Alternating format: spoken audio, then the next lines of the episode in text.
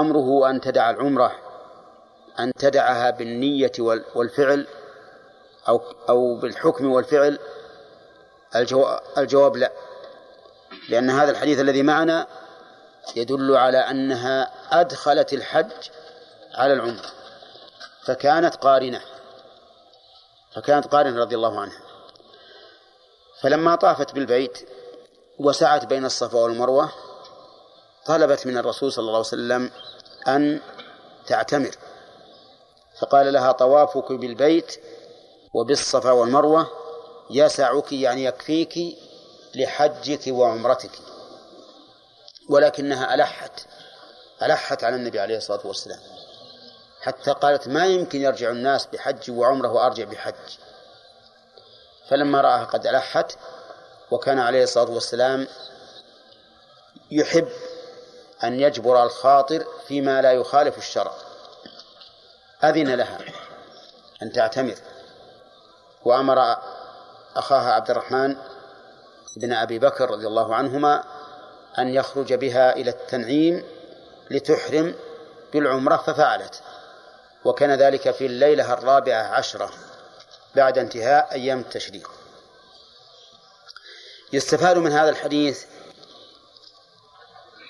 أولا أن الطواف بالبيت وبالصفا والمروة لا يسقط عن الحائض. لا يسقط عن الحائض. لأن عائشة كانت حائضا فلم يسقط عنها. بل أمرها الرسول عليه الصلاة والسلام أن تطوف وتسعى. ويستفاد من هذا الحديث أن السعي ركن. لأن النبي صلى الله عليه وسلم قرنه بالطواف. وقال يسعك لحجك وعمرتك. وهذا يدل على أنه لا بد أن يكون موجودا في الحج والعمرة. ومن فوائد الحديث أن القارن لا يلزمه طوافان وسعيان خلافا لمن قال بذلك من أهل العلم وأنه يكفيه ها طواف وسعي. ومن فوائده أن العبادتين إذا كانتا من جنس دخلت الصورة منهما في الكبرى. إذا كانتا من جنس فإن الصغرى تدخل في الكبرى. كيف ذلك؟ لأن العمرة هنا دخلت في الحج وهما من جنس واحد كلاهما نفس. بل قد سمى النبي عليه الصلاة والسلام العمرة سماها الحج الأصغر. الحج الأصغر. ومثال آخر لو نوى المحدث حدثا أصغر لو نوى بغسله الحدثين ها أجزأ ولا حاجة للوضوء. بل القول الراجح في مسألة الجنوب أنه إذا نوى الحدث الأكبر ارتفع الحدثان. لأن الله تعالى لم يوجب على ذي الجنابة إلا الغسل فقط.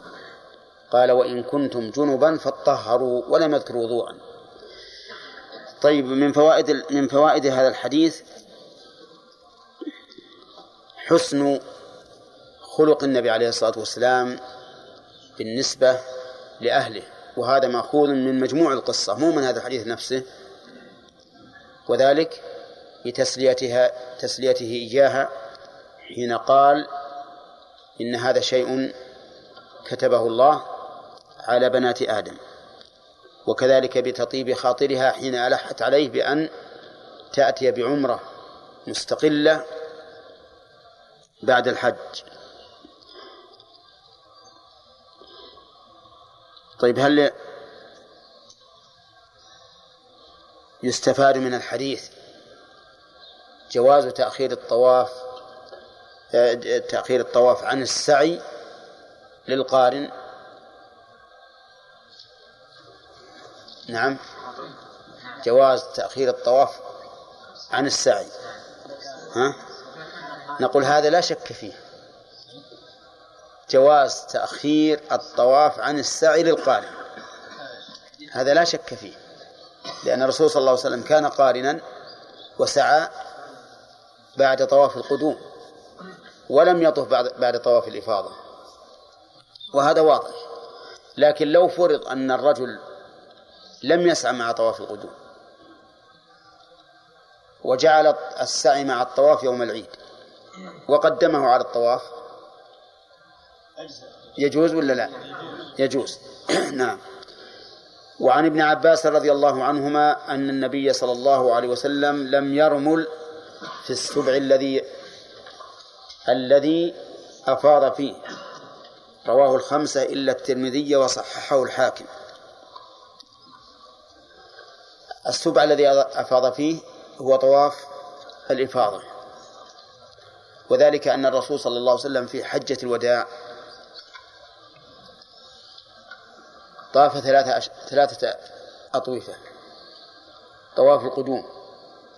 وطواف الإفاضة وطواف الوداع فقط. ولو شاء أن يطوف غير ذلك لطاف لأنه قدم في اليوم الرابع من ذي الحجة. وبقي نازلا في الأبطح إلى يوم الثامن. لو شاء لنزل وطاف بالبيت لكنه عليه الصلاة والسلام لم يرد ذلك. تشريعا للأمة. فيستفاد منه أن الحاج لا ينبغي له أن يزيد على هذه الأطوفة الثلاثة. لأن الرسول عليه الصلاة والسلام لم يزد. ولأن في زيادته على هذه الأطوفة الثلاثة تضييقا على الناسكين بعمرة أو حج. من دون. من دون أن يكون ملجأ إلى ذلك. أما لو كان ملجأ كما لو كان معتمرا أو حاجا فالأمر واضح. طيب إذا متى رمل؟ ها؟ في طواف القدوم. نعم. قال وعن أنس بن مالك رضي الله عنه أن النبي صلى الله عليه وسلم صلى الظهر والعصر والمغرب والعشاء ثم رقد رقدة رقدة بالمحصب ثم ركب إلى البيت فطاف به رواه البخاري. رسول الله عليه الصلاة والسلام لما رمى الجمرات في اليوم الثالث عشر. ولا الثاني عشر؟ الثالث عشر لأنه تأخر. لما رماها كان يرميها بعد الزوال وقبل وقبل صلاة الظهر. نزل من منى لأن منى آخر ما يفعل أول ما يفعل فيها الرمي وآخر ما يفعل الرمي. ولهذا النبي عليه الصلاة والسلام أول ما قدم وهو على بعيره رمى الجمرة. وفي آخر يوم كذلك رمى الجمرة ثم ارتحل وركب ولم يبق بعد رمي الجمرات.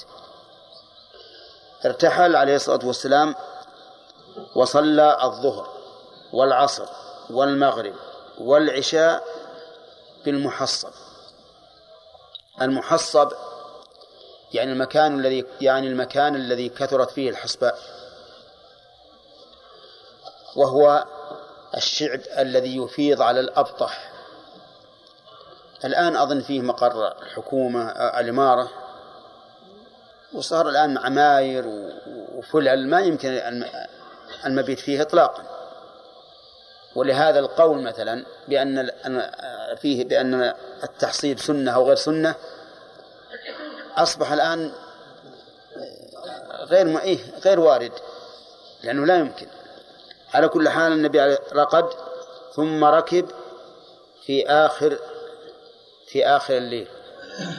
ركب عليه الصلاة والسلام في آخر الليل ونزل إلى البيت وطاف طواف الوداع وصلى الصبح ثم ركب إلى المدينة. صبح اليوم الرابع عشر. وكانت أم سلمة رضي الله عنها كانت استأذنت أو استفتته في طواف الوداع وقالت إنها مريضة. فقال طوفي من وراء الناس وأنت راكبة. قالت فسمعته يقرأ في صلاة الفجر ذاك اليوم والطور وكتاب مسطور. الشاهد من هذا أن الرسول عليه الصلاة والسلام نزل في هذا المكان وصلى فيه كم وقت كم وقتا؟ أربعة أوقات. والخامس في المسجد الحرام. ثم ذكر بعده حديث عائشة رضي الله عنها قال أنها لم تكن تفعل ذلك. أي أي النزول بالأبطح.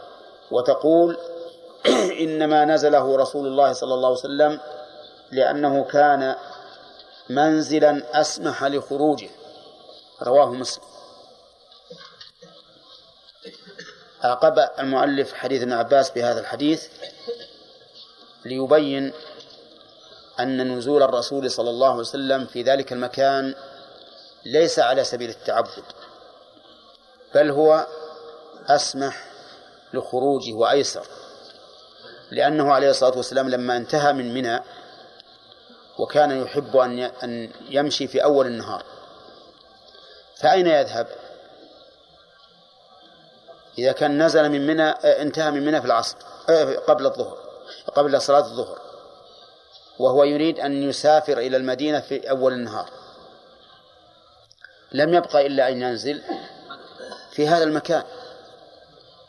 ليستريح وينام ما شاء الله سبحانه وتعالى أن ينام ثم بعد ذلك يرتحل. فعائشة تقول إن الرسول صلى الله عليه وسلم لم يفعل ذلك تعبدا وإنما فعله لأنه أسمح لخروجه ولهذا كانت لا تفعله رضي الله عنها. وبعض العلماء يقول بل فعله تعبدا فيكون النزول في هذا المكان سنة.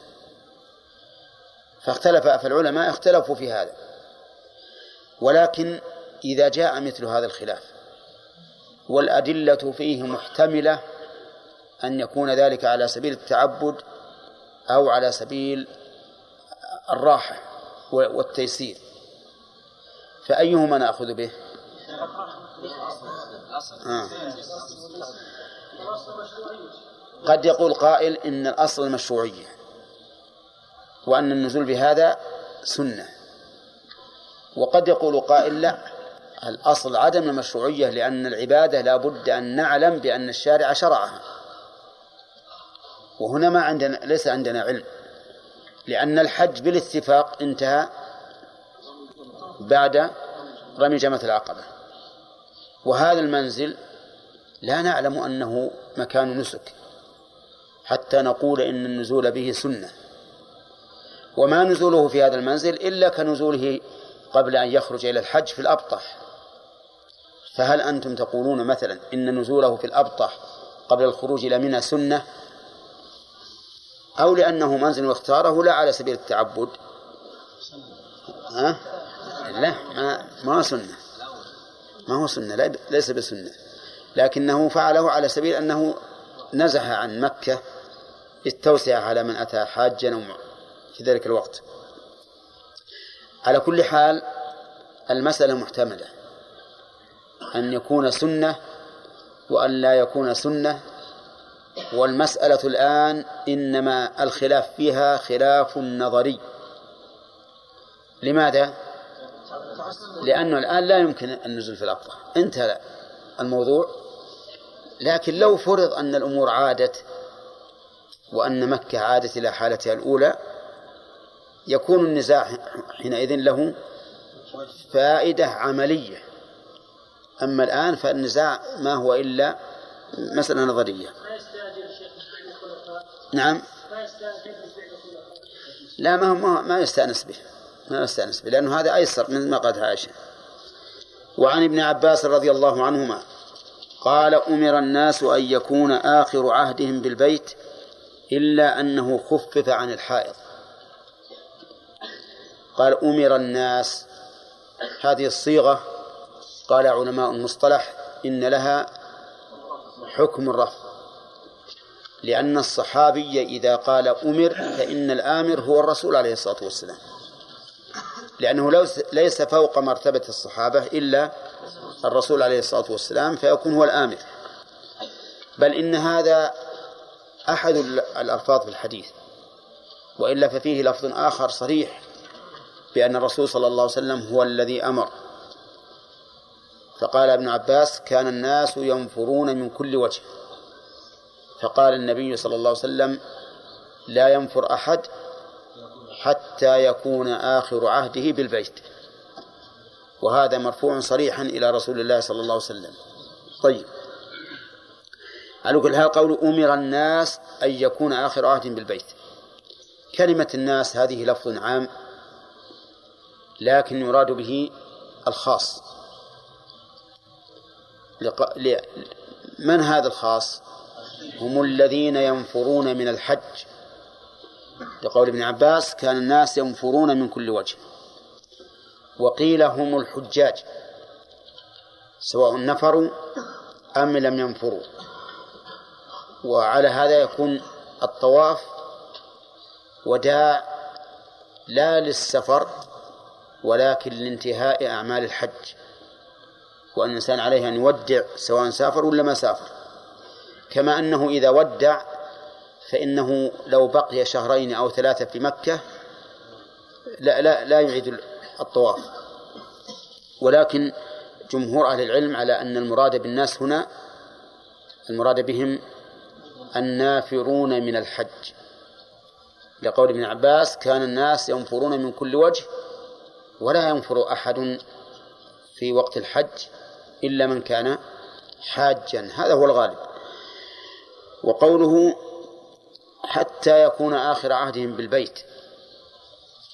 آخر عهدهم بالبيت. في رواية لأبي داود آخر عهدهم بالبيت الطواف. فيفسر فتفسر هذه الرواية معنى الآخرية هنا. وهي أن يكون آخر عهدهم بالبيت الطواف. وقد يقال إنه وإن لم ترد هذه الرواية فإن المراد الطواف لأن الذي يختص بالبيت من الأعمال هو الطواف. لو كانت الصلاة يعني لو قال قائل آخر عهد بالبيت الصلاة مثلا قلنا الصلاة لا تختص بالبيت. وإلا لقال بالمسجد مثلا. لما قال بالبيت وقد علم أنه لا يختص به إلا الطواف فهذه قرينة على أن المراد هنا الطواف. ولهذا قيل ل... قيل إن بعض الملوك نذر أن يتعبد لله عبادة لا يشركه فيها أحد من الناس. أبدا. شوف كيف تصور هذا. قال لله علي نذر أن أفعل عبادة لا يشاركني فيها أحد من الناس حين فعلها. نقول الصلاة؟ ما يمكن ما نقول الصلاة لأن يمكن أحد يصلي في ذلك الوقت. نقول الصيام؟ ما يمكن. الصدقة؟ ما يمكن. فسألوا العلماء فقال بعض أهل العلم قال لهم أفرغوا له المطاف. أفرغوا له المطاف واجعلوه يطوف وحده. حينئذ ها؟ لا يشاركه أحد. يكون قد وفى بنذره. إذن ها؟ يدعنا من مسألة المعصية. الكلام على أنه وفى بنذره. نعم إذا استسمح اللي بالمسجد ما عصى. إذا كان في المسجد ناس وسامح قال اسمحوا لي يطوف الحالي لأن علي نذر. نعم. القصد رد الكلام الأخ طلال. ممكن يزور مقبرة بجوار البيت ما هي أحد أي في مقابر أخرى في البلاد الثانية. تزار هذا الوقت. أو تقبيل الحجر. ما في شيء. المهم على كل حال هذا اللي وقع. إحنا ما إحنا الآن نريد ما نريد أن نحل مشكلتها الآن. نخبركم بالذي وقع. طيب. أه، أقول إن قوله آخر عهد بالبيت يمكن أن نقول حتى وإن لم ترد رواية أبي داود رواية أبي داود المصرحة فإنه يتعين بالقرينة أن يكون مراد الطواف. هنا يقول إلا أنه خفف عن الحائض. خفف يعني خفف الأمر. عن الحائض والحائض معروفة. وهل مثلها النفساء؟ فيها خلاف بين العلماء. فابن حزم يرى أن النفساء لا يمتنع عليها الطواف. وقد مر علينا في أول كتاب الحج وجه استدلاله ولكن الجمهور يرون أن النفساء كالحائض لا تطوف بالبيت. ويجيبون عن هذا الحديث بأنه من باب التغليب. والقيد إذا كان أغلبيا لا يكون له مفهوم. فيستفاد يستفاد من هذا الحديث عدة فوائد. أولا وجوب طواف الوداع على الحاج. كيف؟ أمر الناس. الحاج. إيه، يعني اللفظ ما بان طيب. وجوب طواف الوداع على الحاج. نعم. لقوله أمر الناس أن يكون آخر عهد بالبيت.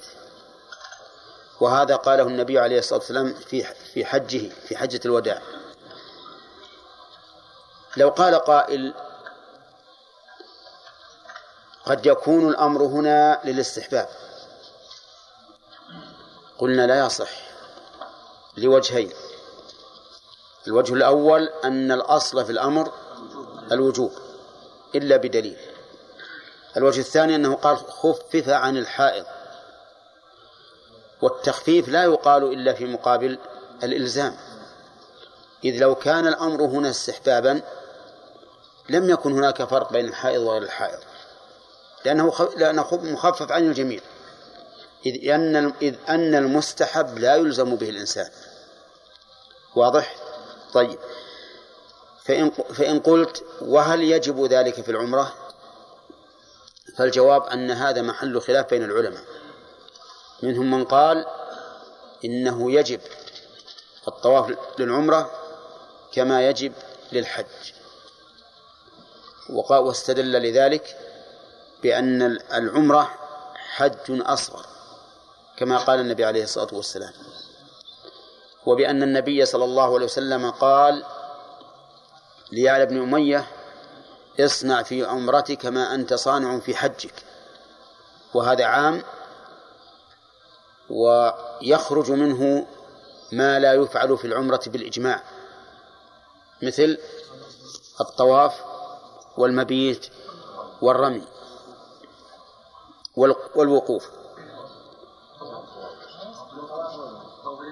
نعم طواف الإفاضة طواف الإفاضة. طيب. بل نقول الطواف ما يخرج لأن العمرة فيها طواف. وأيضا قالوا إن هذا إن المعتمر دخل إلى البيت بتحية وهذا من باب القياس. فلا يخرج منه إلا بتحية. رابعا أن هذا أحوط أن الطواف أحوط. لأنك إذا طفت لم يقل أحد لما طفت. وإن لم تطف قال لك الموجبون لماذا لا, لا تطوف؟ وما كان أحوط فهو أولى. لقول النبي عليه الصلاة والسلام من اتقى الشبهات فقد استبرأ لدينه وعرضه وقوله دع ما يريبك إلى ما لا يريبك ولكن مع هذا ليس وجوبه في العمرة كوجوبه في الحج من أجل الخلاف فقط ولا فالأدلة تدل على الوجوب. ومن فوائد هذا الحديث من فوائد هذا ما في أسئلة. من فوائد هذا الحديث آه، أنه يجب أن يكون الوداع آخر عهد الإنسان. لقوله آخر عهدهم. ولكن إذا بقي الإنسان بعد الطواف لصلاة للصلاة أو اشترى حاجة في طريقه أو تغدى أو تعشى أو ما أشبه ذلك من الأشياء الخفيفة فإن هذا لا يضر. لأنه سبق لنا أن الرسول صلى الله عليه وسلم صلى الفجر بعد طواف الوداع بعد طواف الوداع. فهذه المسائل اليسيرة لا تضر إلا إذا كان المقصود به الاتجار يعني يعني أنه اشترى شيئا للتجارة فإن العلماء يقولون إذا اشترى شيئا للتجارة فعليه أن يعيد الطواف. ومن فوائد الحديث سقوط طواف الوداع عن الحائض لقوله إلا أنه خفف عن الحائض. الحائض لا, لا يجب عليها الطواف لعذر شرعي ولا حسي؟ ها؟ شرعي. شرعي. أما حسي فقد تكون قادرة. فهل يلحق بالعذر الشرعي العذر الحسي؟ كما لو كان الإنسان مريضا. ها؟ فالجواب لا. لأن النبي صلى الله عليه وسلم قال لأم سلمة لما قالت إنها مريضة قال طوفي من وراء الناس وأنت راكبة فلم يسقطه عنها للمرض. فما دام هذا الإنسان عاجزا نقول يحمل لكن لو فرض أنه لا يمكن حمله يعني مرض مرضا مدنفا ما يقدر. فهنا قد نقول بالسقوط. لأن هذا عذر لا يمكن معه الفعل كالحيض. بخلاف العذر الذي يمكن معه الفعل كالمرض الخفيف الذي يمكن أن يحمل الإنسان فهذا لا يسقط. ومن فوائد الحديث تحريم جلوس الحائض في المسجد. لأن العلة من من الحائض من الطواف. ها؟ المكث في المسجد والطواف مكث فلا يحل لها أن تمكث في المسجد حتى ولو كان للدرس أو للموعظة أو ما أشبه ذلك. ولهذا أمر النبي عليه الصلاة والسلام النساء أن يخرجن لصلاة العيد وأمر الحيض أن يعتزلن المصلى. ومن فوائد الحديث رحمة الله سبحانه وتعالى بعباده حيث خفف عن الحائض فلم يلزمها أن تبقى كما تبقى المرأة التي لم تطف. طواف الإفاضة. بل تستمر في سفرها ولا عليه شيء. نعم. ذكرت يعني يقولون يعني نعم. اي نعم. أدلتهم يقولون إن الرسول قاله في الحج. قاله في الحج. ونحن نقول نعم هو قاله في الحج لكن لأن أصل إيجابه لم يكن إلا في ذلك اليوم. قالوا ولأن الرسول صلى الله عليه وسلم اعتمر ولم ولم يطف. فنقول كان ذلك قبل إيجابه لأنه لم يجب إلا في حجة الوداع. وكم من أشياء تأخر وجوبها فوجبت بعد. طيب قالوا أن ما أمر عائشة يعني أي نعم. نعم هذا هذا ليس دليلا. بل هو دليل لما ترجم له البخاري رحمه الله. أن المعتمر إذا خرج فإنه لا يحتاج إلى طواف الوداع. يكفيه عن طواف الوداع لأنه طاف قريبا ما ما فصل إلا السعي. السعي شيء يسير وتابع للطواف. نعم. خالد. ذكرت أن النبي صلى الله عليه وسلم لم يزل على ثلاث إيش؟ قل ذكرت أن النبي عليه الصلاة والسلام لم يزد على ثلاث يطوف نعم. وفي البخاري عن ابن عباس وسلم كان يزور البيت يمينا ما هو صحيح هذا. ما هو صحيح. وكذلك طاف مع ليلا أفاض مع ليلا ابدا ما هو صحيح. كل هذه هذه إما إما ضعيفة سندا ومتنا وإلا ضعيفة متنا. نعم. أي الشاذه بسم الله الرحمن الرحيم. قال المؤلف رحمه الله تعالى وعن وعن ابن الزبير رضي الله عنهما قال قال رسول الله صلى الله عليه وسلم صلاة في مسجدي هذا أفضل من ألف صلاة فيما سواه إلا المسجد الحرام. وصلاة في المسجد الحرام أفضل من صلاة في مسجد هذا بمئة صلاة. رواه أحمد وصححه ابن حبان. قول الرسول عليه الصلاة والسلام صلاة في مسجد هذا أفضل. هذا قد يشكل من الناحية العربية حيث ابتدأ بالنكرة. فما الجواب؟ الجواب أنها أفادت أفادت بالوصف في مسجد هذا. وقال ابن وقد قال ابن مالك ولا يجوز الابتداء بالنكرة ما لم تفد ما لم تفد. ثم ثم جعل مثلا لهذا ورجل من الكرام عندنا. فالحديث يطابق المثل الذي ذكره ابن مالك في قوله ورجل من الكرام عندنا. طيب. وقوله أفضل من ألف صلاة فيما سواه إلا المسجد الحرام. المسجد الحرام أفضل من مئة صلاة في المسجد النبوي فيكون أفضل من مئة ألف صلاة فيما عداه إلا المسجد النبوي فهو أفضل منه بمئة. نعم لا إلا المسجد النبوي. المسجد الحرام أفضل مما من مئة ألف صلاة فيما عداه. إلا المسجد النبوي فإنه أفضل بمئة صلاة فقط. يقول الرسول عليه الصلاة والسلام حاثا ومرغبا على الصلاة في في هذين المسجدين لأن ذكر الفضل في العمل يتضمن الحث عليه والترغيب فيه.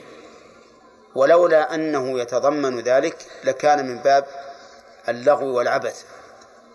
يعني فإذا أثنى الشارع على فاعل أو فعل فهذا يدل على الحث عليه. إذ لو لم يكن كذلك لكان لكان عبثا لا فائدة منه. وقول صلاة في مسجدي هذا أشار إليه لأنه مشاهد محسوس. قال مسجدي هذا. والإشارة كما عرف تعيين الشيء بواسطة الإشارة في الإصبع فهي إشارة حسية في الأصل. لكن قد تكون إشارة حسية معنوية قد تكون إشارة معنوية كقول المؤلف هذا كتاب فيه كذا وكذا. وقول في مسجدي هذا يعني مسجد المدينة. وأضافه النبي صلى الله عليه وسلم إلى نفسه لأنه هو الذي بناه وابتدأه. فإنه صلى الله عليه وسلم أول ما قدم المدينة فأول شيء فأول شيء بدأ به أو فأول شيء بدأ به اختيار مكان المسجد وبناؤه. طيب. وقوله أفضل من ألف صلاة فيما سواه أي من المساجد. بدليل قوله إلا المسجد الحرام. والأصل في المستثنى أن يكون من جنس المستثنى منه فهو أفضل من ألف صلاة فيما عداه من المساجد إلا المسجد الحرام. وقوله إلا المسجد الحرام المسجد الحرام يعني الذي له الحرمة والتعظيم وهو مسجد مكة خاصة. مسجد مكة خاصة لقوله تعالى جعل الله الكعبة البيت الحرام قياما للناس ولقوله وصدوكم عن المسجد الحرام والهدي معكوفا أن يبلغ محله والنصوص في هذا كثيرة. وقوله صلاته في المسجد الحرام أفضل من مئة صلاة أفضل من صلاة في مسجد هذا بمئة صلاة يدل على أن المسجد الحرام أفضل من المسجد النبوي بألف بمئة صلاة فيكون أفضل من غيره بكم؟ بمئة ألف. بمئة ألف صلاة. يعني لو صليت جمعة واحدة في المسجد الحرام صارت أفضل من مئة ألف جمعة فيما عداه. كم مئة ألف جمعة من سنة؟ إيه معنا معلوم من السنين. أجل سنة واحدة سبحان الله. كم؟ لا لا. السنة فيها حوالي خمسة وخمسين جمعة. نعم. ها؟ إذا قلنا خمسين. كل سنتين بمئة. كل سنتين مئة. تكون ألفين؟ ألفين سنة. سبحان الله. على كل حال فضل عظيم. فضل عظيم في الصلاة في هذا المسجد. طيب نعود إلى الحديث مرة ثانية صلاة في مسجد هذا الإشارة تدل على تعين المشار إليه. فهل المراد المسجد الذي في عهد الرسول عليه الصلاة والسلام وما زيد فيه فلا يدخل فيه؟ أم نقول إن المراد المسجد وما زيد فيه؟ في هذا خلاف بين العلماء. فمنهم من قال المراد به مسجد النبي صلى الله عليه وسلم الذي هو مسجده والمسجد وأما ما زيد فيه فلا يدخل في هذا التفضيل ودليل وحجتهم في ذلك الإشارة لأن الإشارة تعين المشار إليه مسجدي هذا. نعم.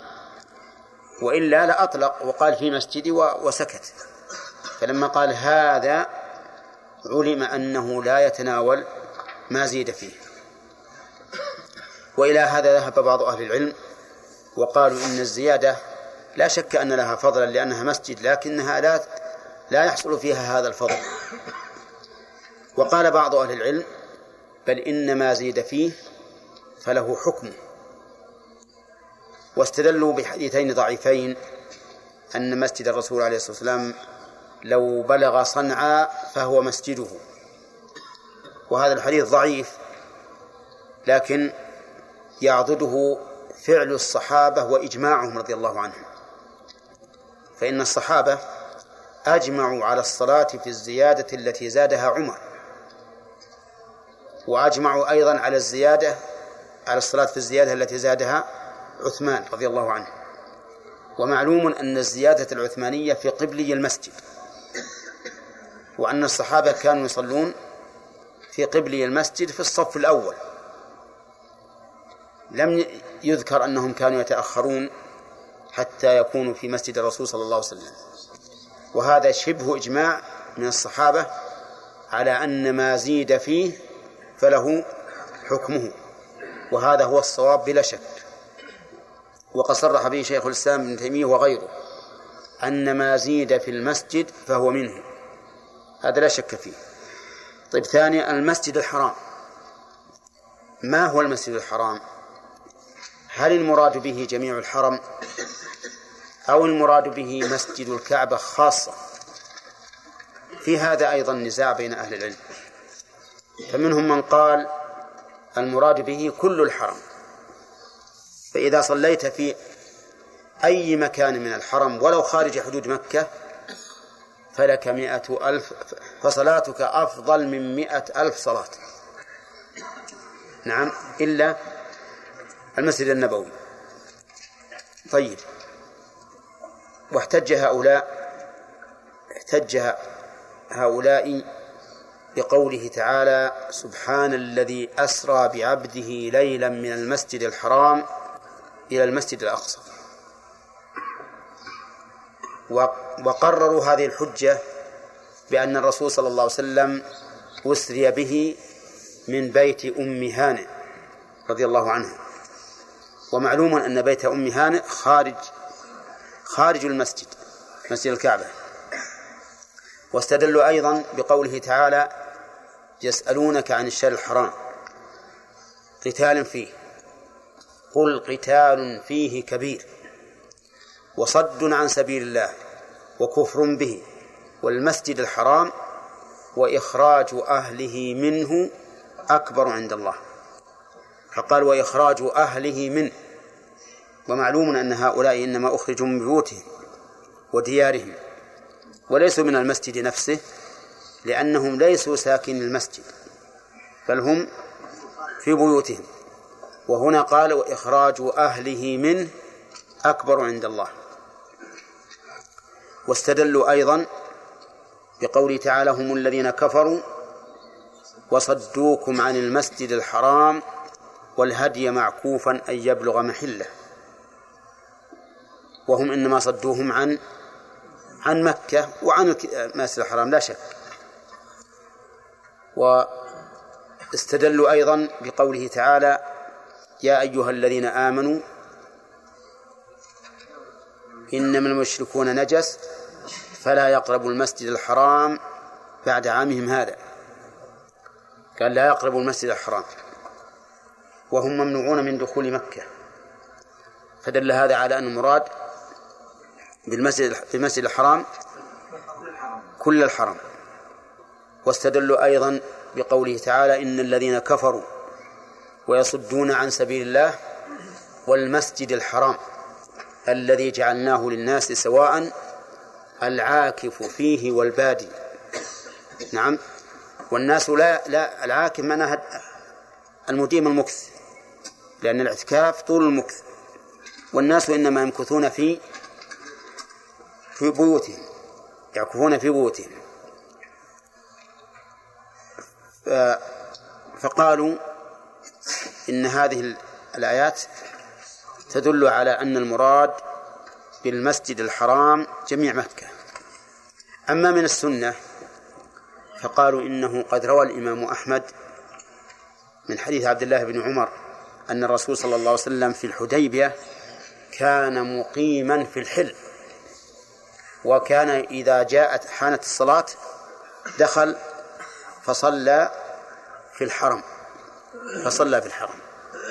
وهذا يدل على أن الصلاة في الحرم كله يشملها التضعيف. يشملها التضعيف.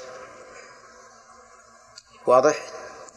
وربما يستدلون بالمعنى والنظر فيقولون لو خصصناه بالمسجد الحرام الذي هو مسجد الكعبة لضيقنا على الناس.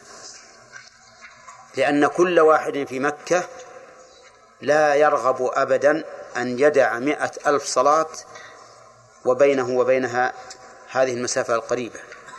بل لا بد أن نعم أن يذهب ويصلي وحينئذ يحصل الضيق والمشقة على الناس. قالوا ويدل لهذا أن الرسول صلى الله عليه وسلم أقام في الأبطح أربعة أيام قبل الخروج إلى منى ولم يكن ينزل إلى المسجد الحرام ليصلي فيه مع قرب المسافة وسهولتها. كل هذه الأدلة استدلوا بها على أن المراد بالمسجد الحرام جميع الحرم. وقال آخرون وهو ظاهر كلام الحنابلة رحمهم الله إن المراد بالمسجد الحرام مسجد الكعبة. مسجد الكعبة فقط. وقالوا عندنا دليل. لا يمكنكم معه الكلام إطلاقا. وهو أن الرسول عليه الصلاة والسلام قال فيما رواه مسلم من حديث ميمونة رضي الله عنها صلاة في مسجد هذا أفضل من ألف صلاة فيما سواه من المساجد إلا مسجد الكعبة. هذا لفظ الحديث في مسلم. فقال إلا مسجد الكعبة وهذا صريح في أن المراد بالمسجد الحرام في في مثل هذا الحديث مسجد الكعبة الذي فيه الكعبة. وبأن حديث أبي هريرة لا تشد الرحال إلى إلا إلى ثلاث مساجد. المسجد الحرام فيه رواية في مسلم أيضا لا تشد الرحال إلا إلى ثلاث مساجد.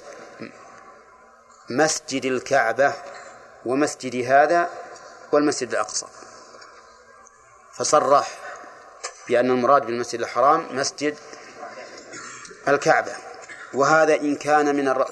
وهذا لو قال قائل الحديث واحد نقول إن كان هذا الكلام أو إن كان هذا اللفظ المسجد الحرام ومسجد الكعبة من النبي عليه الصلاة والسلام فقد فسر قوله بقوله. فقد فسر بقوله بقوله.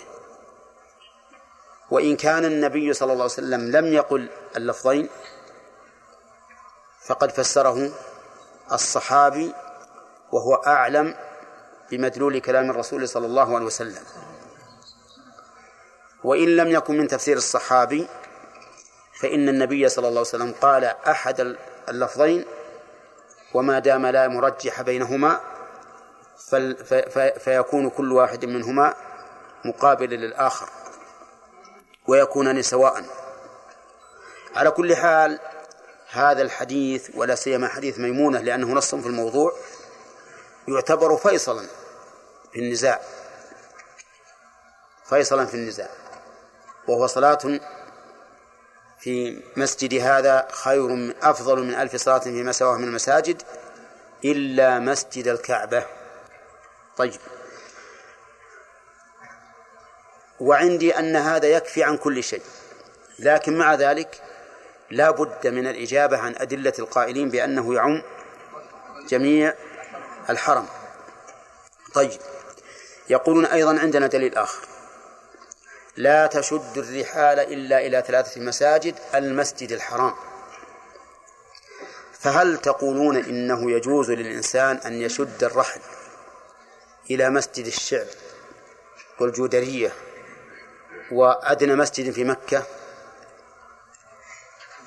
الجواب ما أظنهم يقولون بذلك. ما أظنهم يقولون بذلك. اللهم إلا إن كان التزاما عند المضايقة. لأنه عند المناظرة قد يلتزم الإنسان بما بما لا يعتقده. لكن كما يقال فك المشكلة. فنحن نقول إذا كنتم لا تجيزون أن تشد الرحال إلى مسجد من مساجد مكة سوى مسجد الكعبة فما الفرق بين قوله لا تشد الرحال إلا إلى ثلاث مساجد؟ المسجد الحرام وبين قوله صلاة في المسجد الحرام في مسجد هذا خير من ألف صلاة فيما سواه إلا المسجد الحرام. لا فرق. ثم إن المعنى يقتضيه وهو أنه إنما جاز شد الرحال إلى هذه المساجد لماذا؟ لتميزها بالفضل فإذا قلتم إن إن الذي تشد إليه الرحل هو مسجد الكعبة فقولوا إن الذي فيه الفضل هو مسجد الكعبة. وإلا لصار ذلك تناقضا. أما الجواب عن الأدلة التي استدل بها هؤلاء فأما قوله تعالى سبحان الذي أسرى بعبده ليلا من المسجد الحرام إلى المسجد الأقصى فالثابت في الصحيحين أن الرسول صلى الله عليه وسلم أسري به من الحطيم حطيم حطيم الكعبة بينما أنا نائم في الحطيم أو قال مضطجع إذ أتاني آت.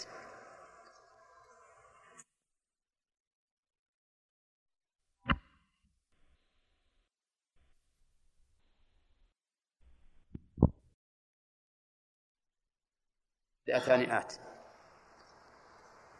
وحينئذ يكون الإسراء به من من المسجد الحرام الذي هو مسجد الكعبة. لا غير ورواية بيت أم هانئ إن صحت فقد جمع بينها وبين هذا الحديث الصحيح بأنه كان نائما في الأول في بيت أم هانئ ثم جاءه الملك ثم قام حتى أتى المسجد واضطجع فيه أو نام ثم أسري به من هناك.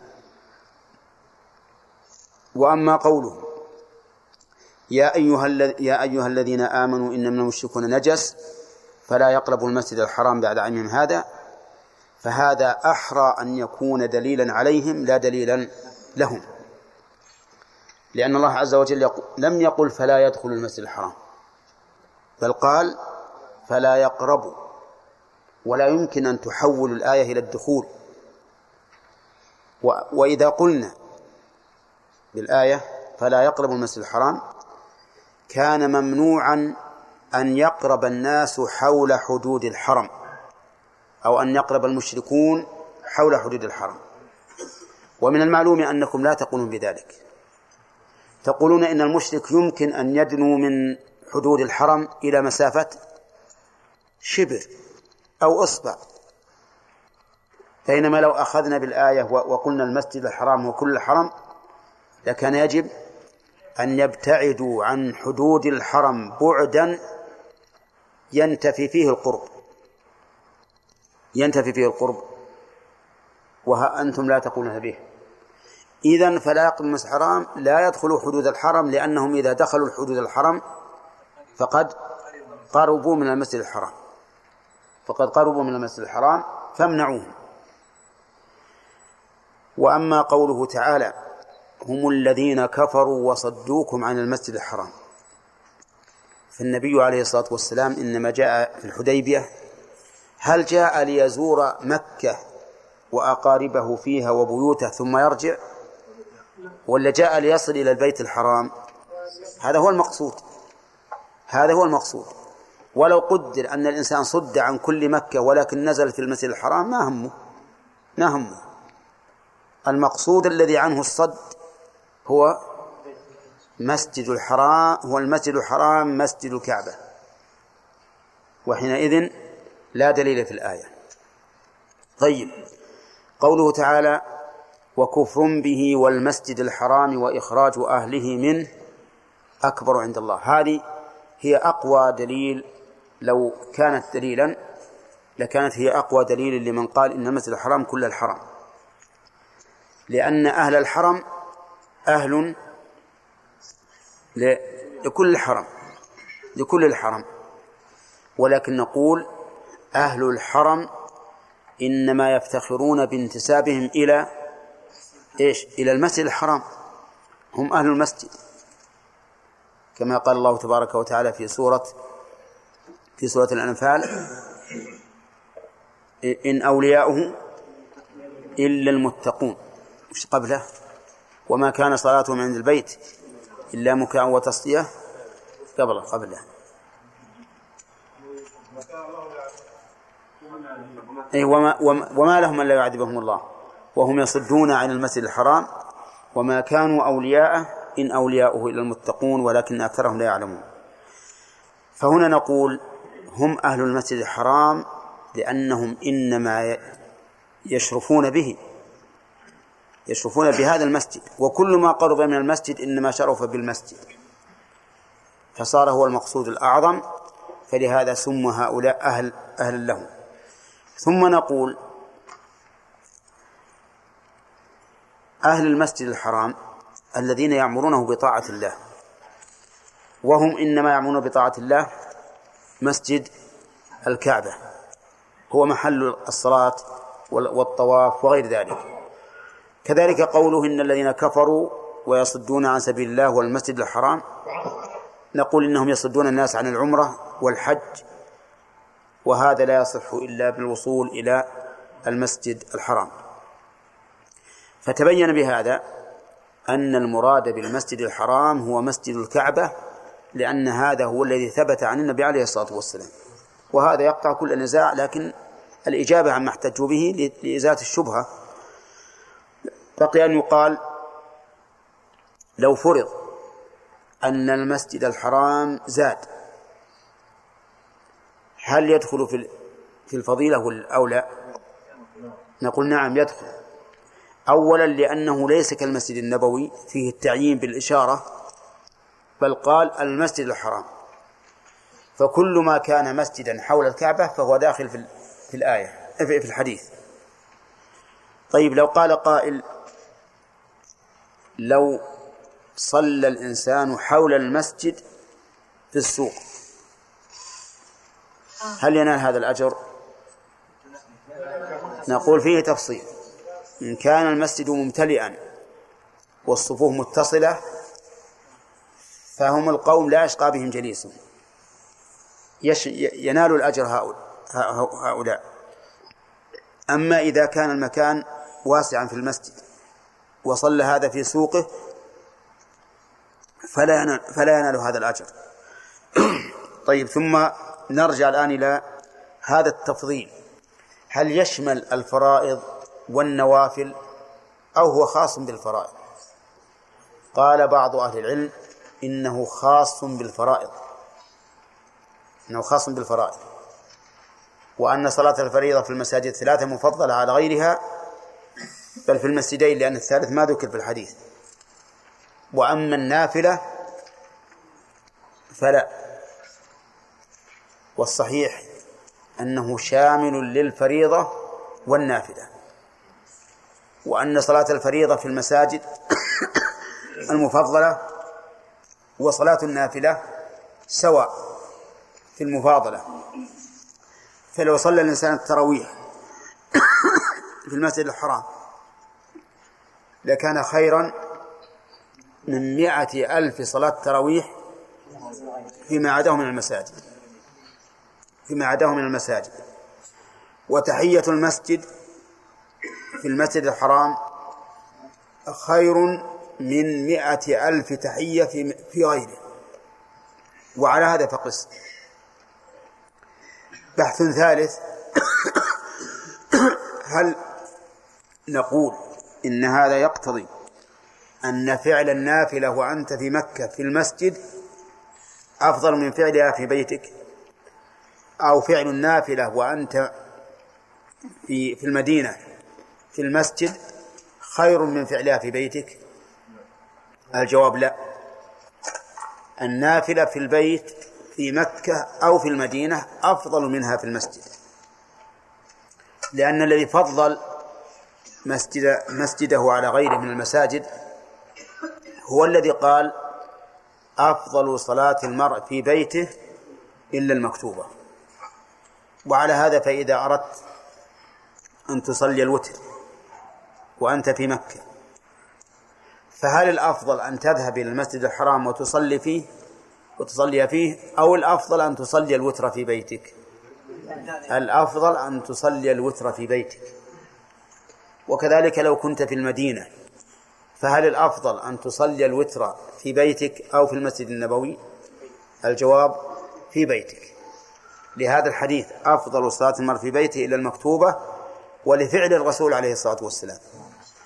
فإن النبي صلى الله عليه وسلم كان يتنفل في بيته مع أنه قال للناس صلاة في مسجد هذا خير من ألف صلاة فيما عداه إلا المسجد الحرام. إذن ما هو الجواب الذي يكون منضبطا؟ نقول ما فعل في المسجد النبوي أو في المسجد الحرام فهو أفضل من غيره من المساجد. أفضل من غيره من المساجد بالتفضيل الذي ورد. ولكن إذا سئلنا هل الأفضل أن نفعل النوافل في المسجد أو في البيت؟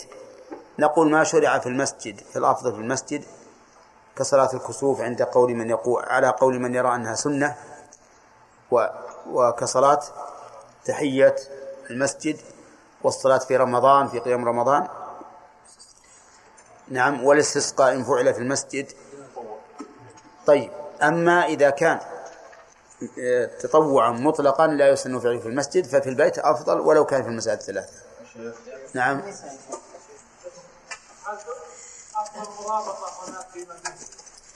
كيف؟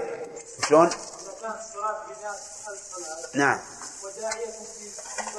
نعم.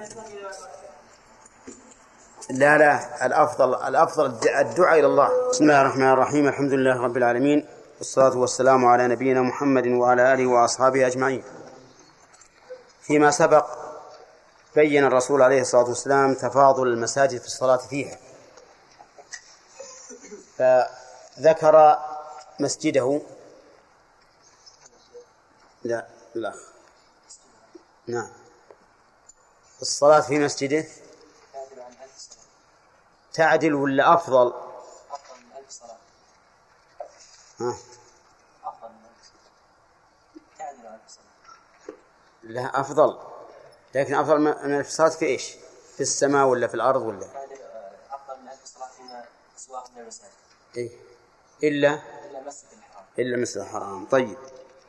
وسبق لنا أن إشارة النبي صلى الله عليه وسلم إلى مسجده تدل على انحصار الفضل فيه وأن العلماء اختلفوا في الزيادة. فما هو؟ الراجح أنه وما زيد فيه هو يعتبر من أن ما زيد فيه فهو كمسجده. طيب ما هو الدليل يا بندر؟ لأن الصحابة رضوان الله عليهم أقروا زيادة من عمر رضي الله عنه. كذلك الصلاة زيادة زيادة عثمان رضي الله عنه. وصاروا يصلون فيها وهي خارج عن المسجد الذي كان في عهد الرسول صلى الله عليه وسلم. نعم طيب. وسبق لنا أيضا أن المسجد الحرام الصلاة فيه أفضل من صلاة في مسجد الرسول صلى الله عليه وسلم بمائة ألف صلاة. مائة بمائة صلاة. طيب. و فما هو المسجد الحرام ياسر؟ في خلاف بين العلماء. منهم كل الحرام. نعم. ومنهم الذي فيه الكعبة. طيب. ما هو حجة القائلين بأنه جميع الحرم؟ منها يسألونك عن الشهر الحرام قتال فيه قل قتال فيه كبير وصد عن سبيل الله وكفر به وإخراج والمسجد الحرام الحرام وإخراج أهله منه أكبر فقالوا إخراج أهله منه أكبر هم أهل المسجد وأهل المسجد ليس ماكثين في المسجد وإنما هم ماكثين في بيوتهم نعم. ودل على أن المسجد أن المراد به مكة الحرم فيه نعم. واستدلوا أيضا بقول الله تعالى سبحان الذي أسرى بعبده ليلا من المسجد الحرام إلى المسجد الأقصى الذي باركنا حوله. نعم. قالوا إن النبي صلى إن النبي صلى الله عليه وسلم عندما اسري به اسري من بيت أم هاني. طيب. في شعب مكة. في شعب طيب. استدل كذلك حديث ابن عمر في الصحيح. ان السلام كان اذا صلى دخل الجنه فيما رواه روى طيب. أنه كان في الحديبية نازلا. اذا اراد يصلي دخل دخل دخل ال- الحرم. الحرم نعم. الله سبحانه وتعالى يا ايها الذين ايها الذين آمنوا المشركون يسكنوا المسجد الحرام بعد عام هذا. فقالوا إذا اذا كانوا لا يقربون من المسجد الحرام فالمعنى لا انهم لا يدخلون لا يدخلون الحرام. استدلوا أيضا بقوله تعالى هم الذين كفروا وصدوكم عن المسجد الحرام والحج معكوف فقالوا انهم ما. انهم. ما دخلوا حدود الحرم. ما دخلوا. صدوهم عن عن الحرم كله. الحرم. نعم. استدلوا بقوله تعالى إن الذين كفروا يصدون عن سبيل الله والمسجد الحرام الذي جعلناه الناس سواء فيه والباب نعم. استدلوا بقوله تعالى انما المشركون نجس ذكرناه. نعم. استدلوا بدليل من النظر. قالوا لو لو أننا منعنا الناس أو قلنا أن الحرم مقصور على مسجد الكعبة لكان أهل مكة كلهم يعني يصلون في آه، مكة. في المسجد. في المسجد وأصبح هذا فيه حرج كبير. نعم. كذلك استدلوا بمبيت النبي صلى الله عليه وسلم في آه، المحصن وقالوا إن إن الفضل إذا كان في مسجد الكعبة فقط لكان النبي صلى الله عليه وسلم نزل إلى مسجد الكعبة وصلى فيه لأنه يسارع إلى فعل الخير بما أنه صلى في المحصن فهذا يدل على أنه فيه أفضلية كما في أفضلية المسجد الحرام. نعم استدل النبي صلى الله عليه وسلم عندما نزل مكة بات في الأبطح وكان سالم عليه النزول إلى مكة قبل أن يذهب إلى منى إيه. نعم وقوله تعالى من طهر بيتي للطائفين والعاكفين والعكوف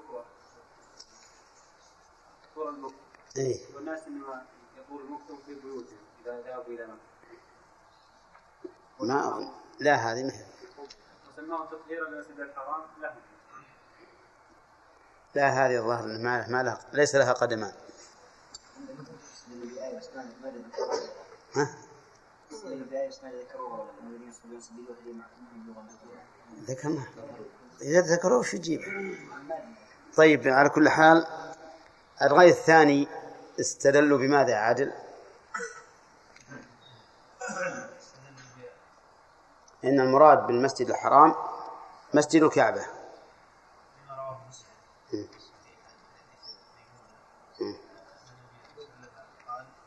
لا تشد الرحال لا صلاة في م- في مسجدي هذا مم. أفضل من ألف صلاة فيما سواه إلا مسجد الكعبة إلا مسجد الكعبة. طيب. قالوا ذكر منها إلا مسجد الكعبة. ذكر اثنين مسجد كعبة والم- ومسجد الرسول صلى الله عليه وسلم ومسجد إيليا. طيب. وإذا كنتم تقولون الحرم كله مسجد فإنه يجوز أن يشد الراحله مثل الجوزريه والشعب وغير ذلك. وغيره من مساجد مكة. وأنتم لا تقولون بها. طيب على كل حال الآن عرفنا الأدلة لكن فيه نص يكون فيصلا في الجميع وهو حديث ميمونة. حديث ميمونة واضح وصريح. بقي أن أن نرد على استدلالاتهم. مو هو على أدلتهم على استدلالاتهم. محمد؟ على استدلالاتهم؟ نعم.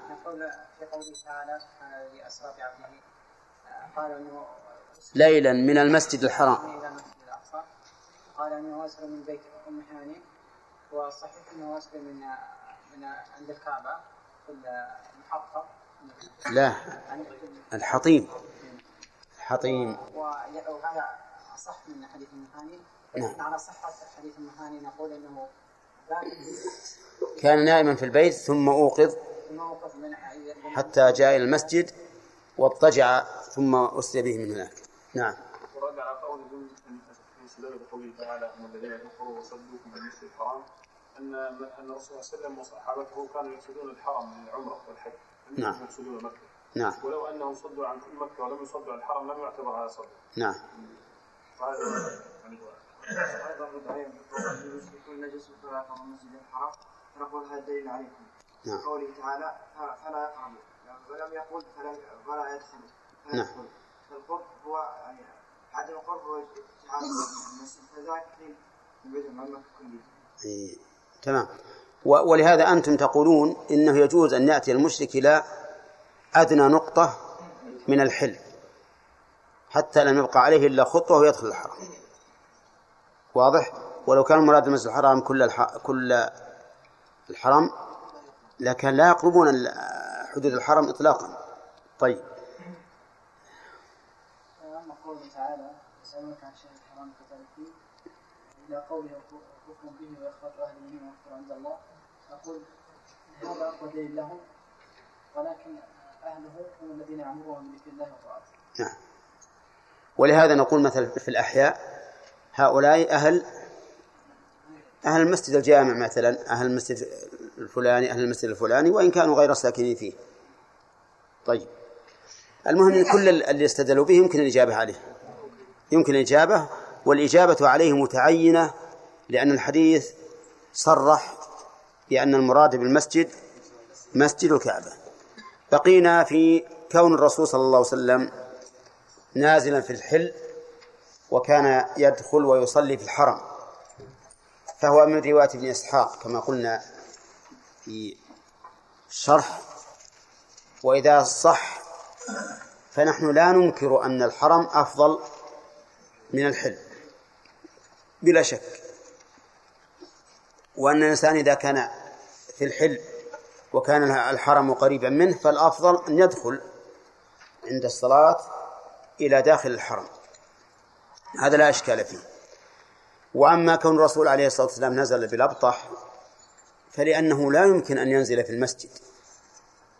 لا يمكن أن ينزل في المسجد وهم حوالي مئة ألف اللي حجوا معه.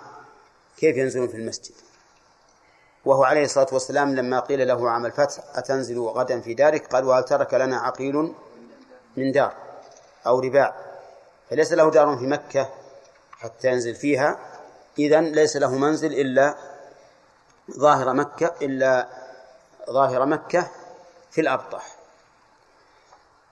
والرسول عليه الصلاة والسلام لا يحب أن يشق على أمته في أنه ينزل لكل صلاة من الأبطح إلى المسجد الحرام ليصلي فيه. ليتبين أن الدين يسر والأمر ليس بواجب غاية ما هنالك أن فيه فضيلة. وما يحصل من المشقة بالشد والنزول وما أشبه ذلك عليه وعلى أمته الذين معه لا شك أنه عذر في ترك هذه السنة. طيب نأخذ من, من فوائد الحديث ما أخذناها أظن. طيب فوائد الحديث له فوائد عديدة. ها؟ عليه؟ نعم. والمسجد الحرام نعم نقول العاكف فيه والبادي سواء يعني معناها المقيم في المسجد حتى لو كان مقيما دائما فهو فهو أفضل. أو نقول إن المسجد الحرام هنا العاكف فيه مثل وإخراج أهله منه. يعني إن قلنا العاكف في نفس المسجد كقول وطاهر بيت للطائفين والعاكفين والركع السجود إن قلنا العاكف والذي في المسجد فنقول أيضا الذي ليس بعاكف هم سواء. ثم في في الحديث فوائد. في الحديث فوائد. الفائدة الأولى الترغيب. في الصلاة في هذا المسجد. لقوله في هذه المساجد. بل المسجد بل المسجدين لأنه لم يذكر المسجد الثالث وهو الأقصى. مسجد مكة ومسجد المدينة. ولكن هل يقال إن هذا أفضل من الصلاة في البيت؟ أو يقال ما يشرع أن يكون في البيت فكونه في البيت أفضل؟ الجواب هو الثاني. وأظن أننا ذكرناه. وقلنا يدل لهذا أن الرسول صلى الله عليه وسلم الذي قال صلاة في المسجد في مسجد هذا أفضل من ألف صلاة فيما سواه هو الذي قال خير صلاة المرء في بيته إلا المكتوبة وكان هو يصلي النوافل في بيته. ومن ثم حمل بعض العلماء هذا الحديث على أن المراد بالصلاة هنا صلاة الفريضة الصلوات الخمس. ولكن ينبغي أن يقال لا كل ما فعل في هذه المساجد من صلاة فهو أفضل مما سواه في المساجد الأخرى. ويبقى النظر هل هو أفضل في المسجد أو في البيت هذا له أدلة أخرى. مثلا تحية المسجد في المسجد, في المسجد الحرام خير إيش؟ من مئة ألف تحية فيما سواه.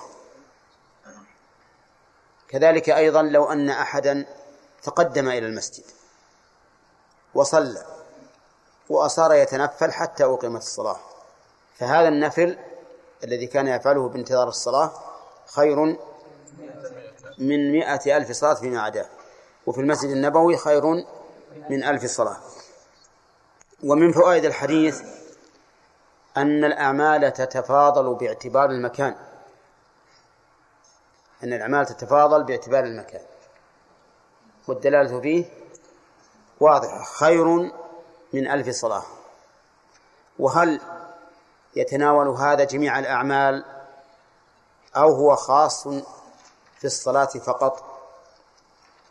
يرى بعض العلماء أنه خاص في الصلاة فقط وأن ما عداها من الأعمال كالصدقة والصيام وطلب العلم وما أشبه ذلك فليس في فلا فلا يفضل هذا الفضل. وإن كان في الحرم أفضل لكن لا يصل إلى هذا الفضل. وهذا هو الصحيح إن لم يوجد أدلة صحيحة عن الرسول عليه الصلاة والسلام في في في المفاضلة في بقية الأعمال. ووجه ذلك أن التفاضل أو إثبات أو إثبات الفضل في العمل أمر توقيفي أمر توقيفي لا يتعدى فيه الشرع. فنقول الصلاة ورد فيها هذا الفضل وما عداها فإنه يتوقف على ثبوت ذلك عن النبي عليه الصلاة والسلام.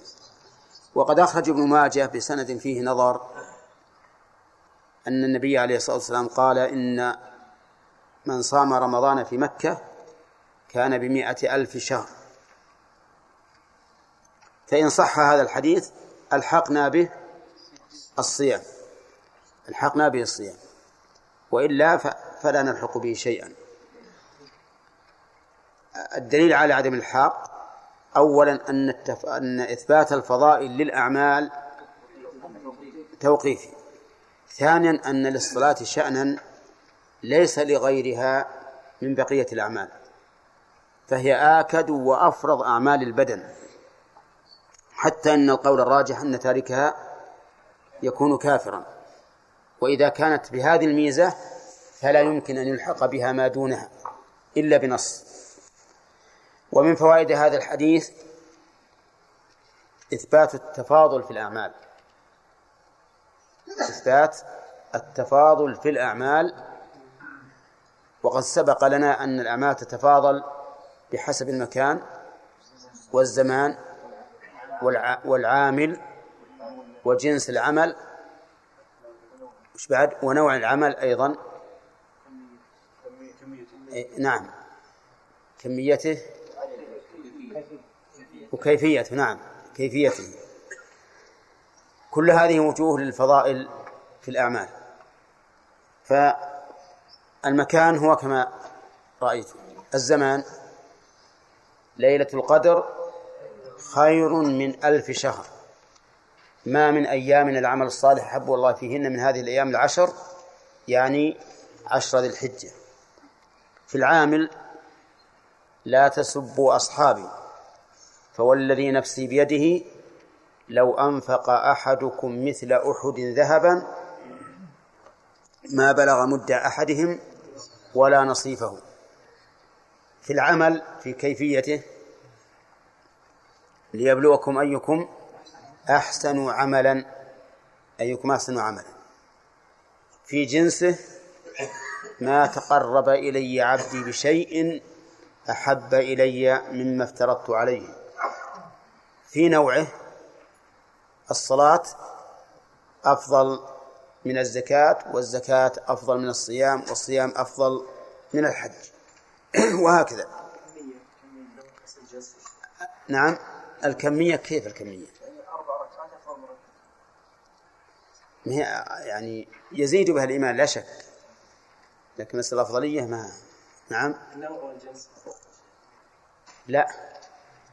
النوع الجنس أعم. الفرائض أكمل من الفرائض على سبيل العموم أفضل من النوافل. النوع الصلاة مثلا أفضل من الزكاة. طيب. ومن فوائد هذا الحديث أنه إذا ثبت وقد ثبت تفاضل الأعمال لزم من ذلك تفاضل العامل ثم يلزم منه أيضا شيء آخر تفاضل الناس في الإيمان. فيكون في الحديث دليل على أن الإيمان يزيد وينقص. وهذا هو مذهب أهل السنة والجماعة أن الإيمان يزيد وينقص لكن كيف زيادته؟ أو بماذا تكون الزيادة؟ هل هو بالعمل؟ نقول بكل ما ذكرنا من من أنواع المفاضلة يزيد. يزيد بالفرائض أكثر مما يزيد بالنوافل. ومن العجب أن الشيطان يضحك علينا. يجعلنا نعتقد أن النافلة أفضل من الفريضة ولهذا تجد كثيرا من الناس يحسنون النوافل تماما والفرائض يتساهلون فيها. هذا من من من الغرائب. تجد مثلا في صلاة النافلة. يخشى ويحضر قلبه ويستحضر ما يقول ولكن في الفريضة يتهاون. وهذا من البلاء الذي يصاب به الإنسان. والواجب أن يعلم الإنسان ويعتقد أن صلاته الفريضة أفضل من من النافلة وأنه يجب أن يعتني بالفريضة أكثر مما يعتني بالنافلة. ولولا محبة الله لها ولولا أهميتها عنده عز وجل ما أوجبها على عباده. فإيجابها على العباد يدل على أنها أحب إلى الله وأنها أولى بالعناية من النافلة. طيب إذا قال قائل أيما أفضل المجاورة في مكة أو المجاورة في المدينة؟ نعم. اختلف في هذا أهل العلم. فمنهم من قال إن المجاورة في مكة أفضل. لأن مكة أفضل من المدينة بلا شك. والنبي عليه الصلاة والسلام قال وهو بالحزورة في مكة قال إنك لأحب البقاع إلى الله ولولا أن قومي أخرجوني منك ما خرجت. وهذا واضح صريح. وأما ما يرويه بعض الناس أن الرسول عليه الصلاة والسلام قال في مكة أحب البقاع إلى الله وفي المدينة أحب البقاع إلي. فهذا مو صحيح. هذا ليس بصحيح طيب. وقال بعض أهل العلم إن المجاورة في المدينة أفضل. المجاورة في المدينة هي أفضل لأن الرسول عليه الصلاة والسلام حث على السكنى فيها وقال المدينة خير لهم لو كانوا يعلمون. وقال بعض أهل العلم المجاورة في أو المجاورة في مكان يقوى فيه إيمانه وتكثر فيه تقواه أفضل في أي مكان. يعني في أي مكان يكون أنفع وأقوى إيمانا وأكثر تقوى لله عز وجل فهو أفضل. وهذا اختيار شيخ الإسلام ابن تيمية رحمه الله. وقال إذا فرضنا أن الإنسان في مكة يضعف إيمانه وتقواه ويقل نفعه فليخرج. كما فعل الصحابة رضي الله عنهم. الصحابة وين راحوا؟ ذهبوا إلى الشام وإلى الكوفة والبصرة وإلى مصر يلتمسون ما هو أفضل وأنفع للعباد. وسكنوا هناك وصاروا يعلمون الناس ويدرسونهم العلم وتركوا المدينة و... ومكة أيضا. وهذا القول أصح. لكن لو فرضنا أن الإنسان يتساوى عنده البقاء في مكان وفي مكة والمدينة قلنا في مكة والمدينة أفضل. البقاء في مكة والمدينة أفضل من غيرهما بلا شك. أما المفاضلة بين مكة والمدينة فهي عندي محل توقف بالنسبة للمجاورة. أما بالنسبة لفضل مكة فلا شك أن مكة أفضل. طيب يتفرع على التفاضل العمل في مكة والمدينة. هل تتضاعف السيئات في مكة والمدينة؟ الجواب أما بالكمية فلا. وأما بالكيفية فنعم. العقوبات على السيئات في مكة أعظم من العقوبات على السيئات في غيرها. وفي المدينة أعظم أيضا. ودليل ذلك قوله تعالى من جاء بالحسنة فله عشر أمثالها ومن جاء بالسيئة فلا يجزى إلا مثلها وهم لا يظلمون. وهذه الآية في الأنعام مكية. وبهذا نعرف بطلان ما يذكر عن ابن عباس رضي الله عنهما أنه قال لا أجلس أو لا أسكن في بلد حسناته وسيئاته سواء. لما قيل له ألا تسكن في مكة؟ قال لا لا أسكن في بلد سيئاته وحسناته سواء فإن هذا لا يصح عن ابن عباس رضي الله عنهما. وابن عباس أفقه وأعلم من أن يقول مثل هذا الكلام. ثم قال المؤلف رحمه الله باب الفوات والإحصار. الفوات مصدر أو اسم مصدر لفات يفوت والمصدر فوتا. واسم المصدر فوات. والفوت هو السبق الذي لا يدرك. فإذا سبقك إنسان ولم تدركه تقول فاتني. هذا هو الفوت. أما في, في الاصطلاح فالفوات طلوع فجر يوم النحر قبل أن يقف الحاج بعرفة. هذا الفوات في, في الاصطلاح. طلوع فجر يوم النحر قبل أن يقف الحاج بعرفة. يعني لو أن أحدا أحرم بالحج واتجه إلى المشاعر وطلع الفجر عليه قبل أن يصل إلى عرفة فهذا هو هذا هو الفوات. نقول هذا الرجل فاته الحج. ودليل ذلك قول النبي صلى الله عليه وسلم الحج عرفة. الحج عرفة. فإنه يدل على أن من فاته الوقوف فاته الحج. نعم هذا الفوات. الإحصار الإحصار في اللغة المنع. يقال حصر ويقال أحصره. في القرآن فإن أحصرتم وفيه أيضا للفقراء الذين أحصروا في سبيل الله أي منعوا. فلا الإحصار في اللغة المنع. وفي الاصطلاح منع الناسك من إتمام نسكه. وهل يشترط أن يكون بعدو أو بأي مانع يكون؟ فيه خلاف بين أهل العلم. منهم من قال إنه يشترط أن يكون الإحصار بعدو وأنه لا إحصار بغير عدو. ومنهم من قال إنه عام في العدو وفي غيره لأن الإنسان قد يحصره عدو أو قد يحصره عدو وقد يحصره مرض أو كسر أو ضياع أو ما أشبه ذلك.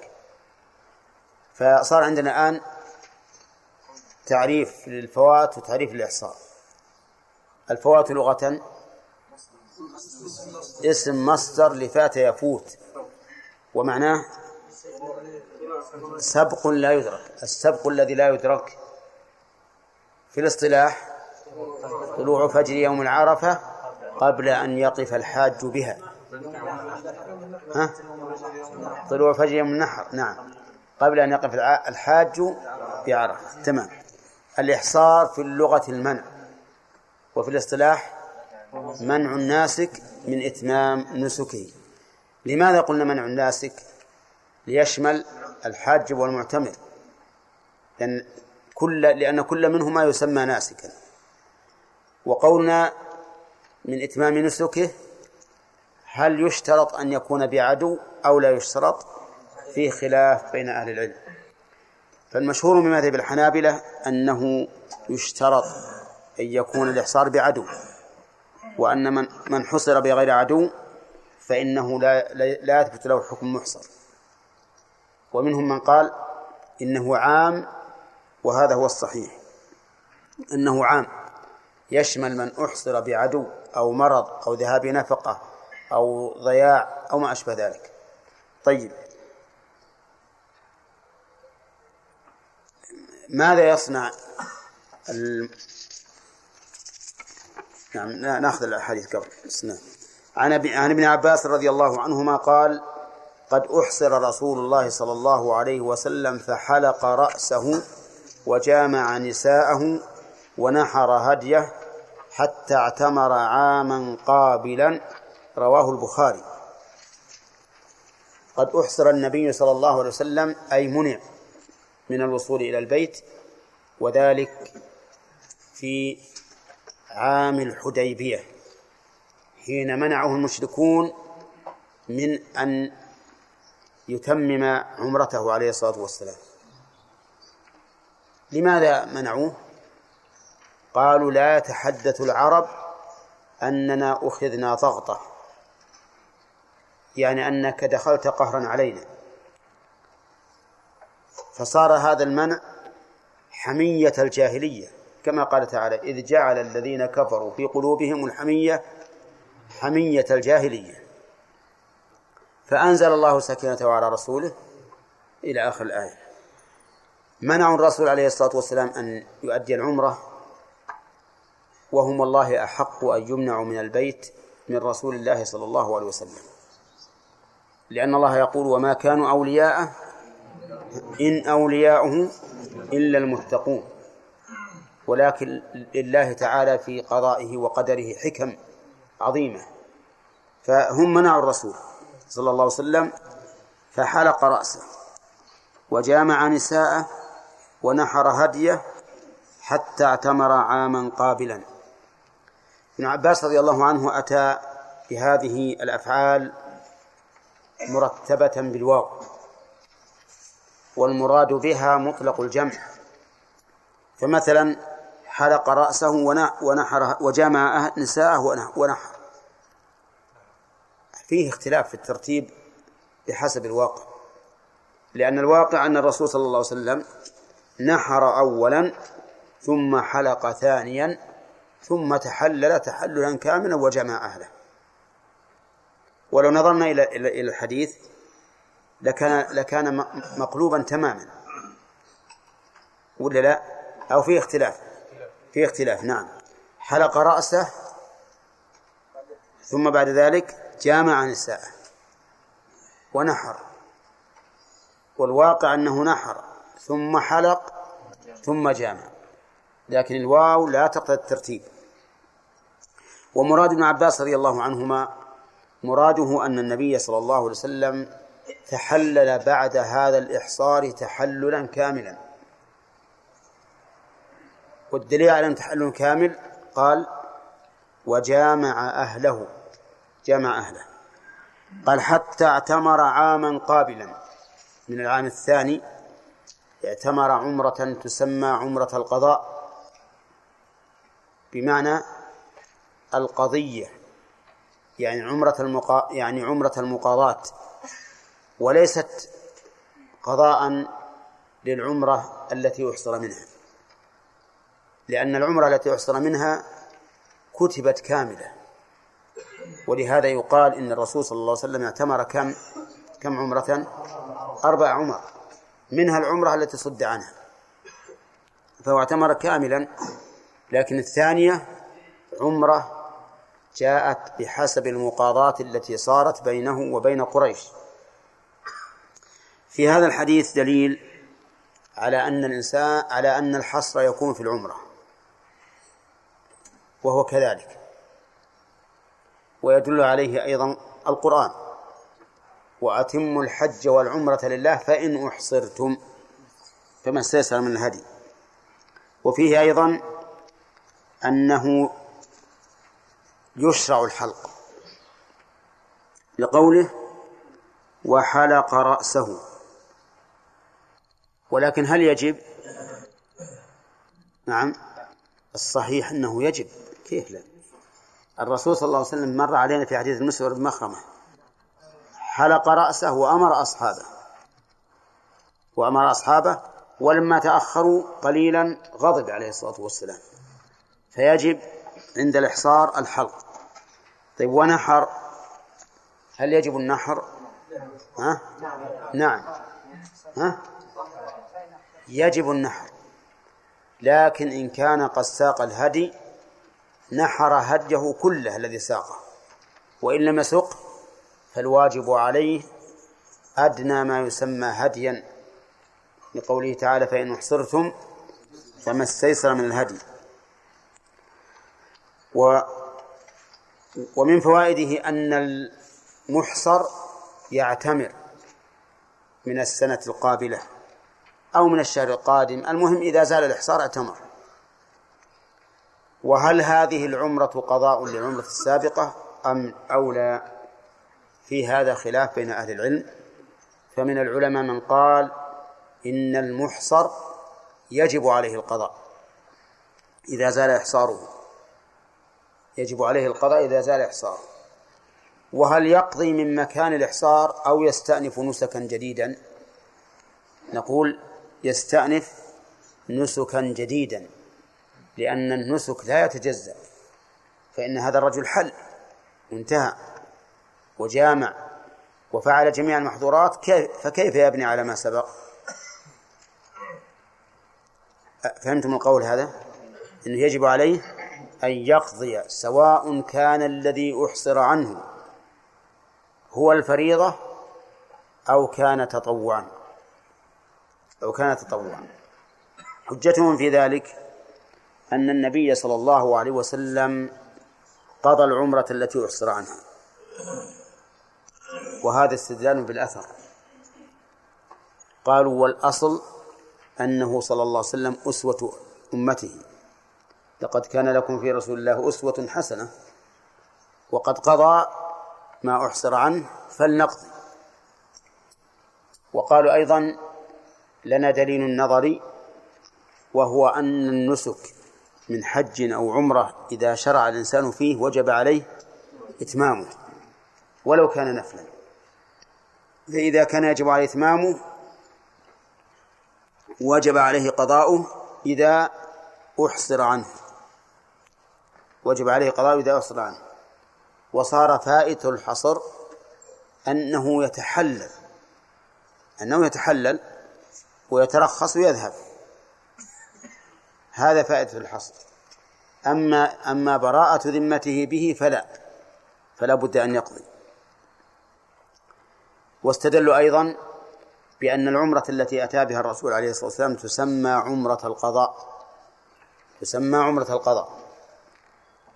والأصل أن القضاء لما ما لما فات.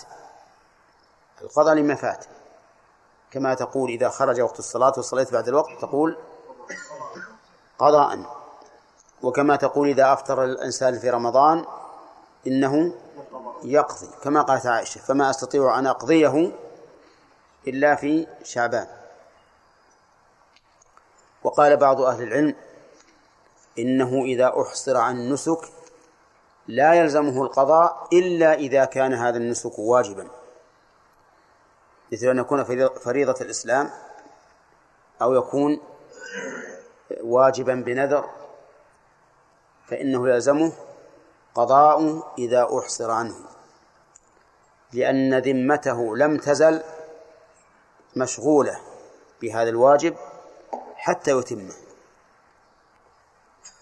أما إذا كان تطوعا فإنه لازمه القضاء لازمه القضاء. واستدلوا بأثر ونظر. أما الأثر فقالوا إن الرسول صلى الله عليه وسلم لما قضى لما أمر أصحابه أن يحلوا أمرهم أن يحلوا لم يأت عنه حرف واحد يقول واقضوا من العام القادم. ولو كان واجبا